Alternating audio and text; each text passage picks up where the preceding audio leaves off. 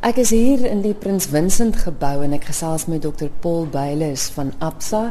Die kunstenaar Liberty Batson is hier by my en dan het ek ook een van die plaaslike kunstenaars, kan ons maar sê, dis Lunel Fivers. En uh, ek begin met Dr Paul Bailes.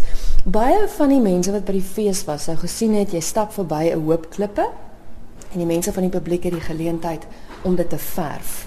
Wat was die idee daar agter want dis 'n Absa inisiatief? Yes, um, what we did at this year's Car and Car, we invited all the festival goers to be part of the festival in a way by painting a rock. We brought in various rocks from one of the surrounding area and we asked the festival goers to leave their mark on a rock, paint it, initial it or do something that really inspires them. And the aim of that is it's a community involvement project. We aim, we then it's leaving a legacy in Oudtshoorn because as you drive into Oudtshoorn from the George side, you, you'll see on the one side of the mountain we've put there Oudtshoorn, mm. Kensvin. And it's basically just acknowledging the festival, acknowledging the people that make the festival possible and at the same time leaving that legacy behind and a constant reminder of the role that the festival plays in supporting the Oudtshoorn community. Maar wonderlike ding het toe nou gebeur. Julle het 'n plaaslike kunstenaar, eintlik Jonel, ons gaan nou met haar gesels. Sy werk raak gesien en besluit sy het regtig besonderse klippe geverf. Wat het toe gebeur?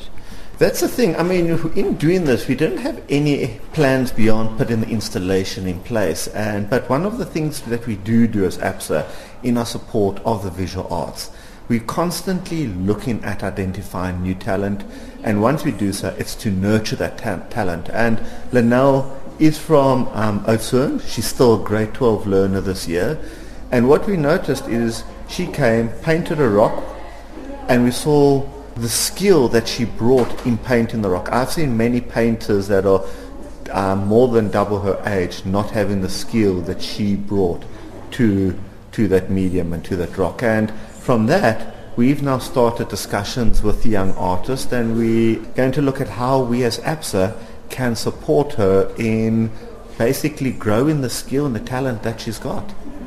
Ons gaan nou gesels oor wat presies als gaan gebeur. Donel vinnig eers, het jy toe jy verby die klippe gestap het, besluit ek gaan een verf het jy ooit gedink dat dit gaan gebeur? Ek het nooit gedink dit sal gebeur nie. Um, ek was eers al skepties toe hulle my gevra het om een klip te vaar want ek het nog nooit iets met natuur doen julle geskilder nie. So dit was nogal 'n eerste. So wat is op jou klippe? Verduidelik gou vir die luisteraars wat nou nie die klip voor hulle het nie. Die eerste paar wat ek geverf het, was maar net woorde en prentjie goedjies. En toe het ek sonsondergange begin skilder met 'n boom in die voorgrond. En ja, hulle het dit raak gesien en toe hulle ek moes die aan een skilder gaan gaan met Liberty Batson gesels. Sy's een van die kunstenaars wat ook kurator was van die uitstalling. Sê Liberty, wat gebeur nou verder? Jy het nou Luna se talent raak gesien. En sy gaan Johannesburg te verstaan ek reg? Yes, yes. Yeah, Lunel's going to come for the first time, first time on a flight, um first time to Johannesburg. And as Absa we are going to be able to enrich her art background and, and, and her knowledge and we're going to take her to Joburg Art Fair. We're also going to um, um, have a presence at the Absa Atelier art opening and just to be able to show Linnell like the support that Absa has for young artists and um, a little bit of insight into the competition and, and, and to be present at it and to see how far and how the, the huge support that ABSA has to nurture and guide, guide a young uh, um, artist's career. Sien jy uit daarna om Johannesburg toe te gaan? Ek sien baie uit daarna. Dit is die eerste keer wat so iets met my gebeur, so ja. Het jy ooit kuns as 'n loopbaan oorweeg? Oorweeg jy dit dalk nou?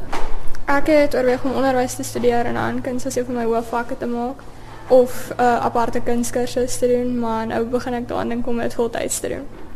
Nou nog iets wat moontlik gaan gebeur en ek sê moontlik want soos ons nou op die fees gesien het, baie dinge het gebeur en planne het anders uitgewerk as wat jy beplan het, maar daar is 'n moontlikheid dat sy ook betrokke gaan wees by volgende jaar se kunstefees in Hoë Matepol.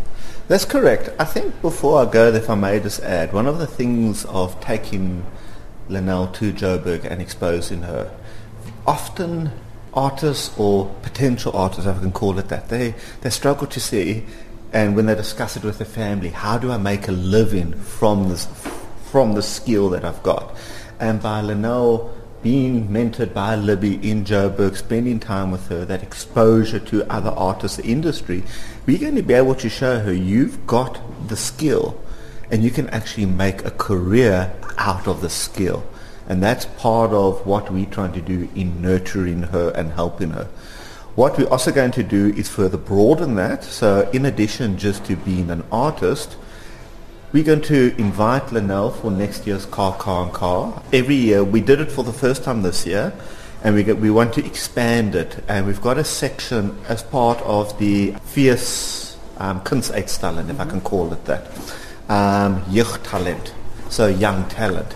Um, we're looking at particularly artists that um, with potential that are coming out of the school system to work with them and also to start identifying the talent. And we're going to invite Linnell next year to curate that exhibition at the 2018 Car Car Car and that she she can now be an inspiration to her peers in Oudtshoorn and the surrounding community to say you need to actually enter, you need to submit works for the year's Jeugdtalent um, Kunstuitstalling because it's only by submitting works or can Absa and so and others that are interested in investing in artists be able to identify. And once you become identified like now, we can then start nurturing and growing the talent and exposing you to the broader arts industry that South Africa has. Nou om te dink alles het begin by 'n klip. Wat gebeur nou met die klippe? Want jy het ontsettend baie mense gekry wat wat regtig hulle talent gedeel het en 'n klip opgetel het, geverf het. Wat gebeur nou daarmee? Well, I think let's let me first as APSA thank the community because they really responded to the call this year to paint a clip or uh, a rock. We got over 7,500 rocks painted, which is phenomenal. And, you know, that leaves a lasting um, legacy to Oudtshoorn. We, um, with Linnell's um, clip, what we've done, that one we've donated to the mayor of Oudtshoorn as a gift to say thank you very much. And there were uh, three or four other special painted rocks. Um, I know Libby um, also did one, and she would be able to maybe say what happened to hers. But I mean, Linnell's rock has now will be a constant reminder in the in the mayor's office for years to come, and I think it's it's really relevant that she is from Oudtshoorn. She painted a rock, and that rock actually rem- remains here as a constant reminder of one, the community engagement, but two, the rich talent that there is within within Oudtshoorn as well. Ek is nou nuuskierig, wat het met jou klip gebeur? My rock was selected to be donated to the Car Car and Car um, head office as a thank you on behalf of ABSA for allowing me to cur- curate this exhibition and being a part of my very first Car Car and Car.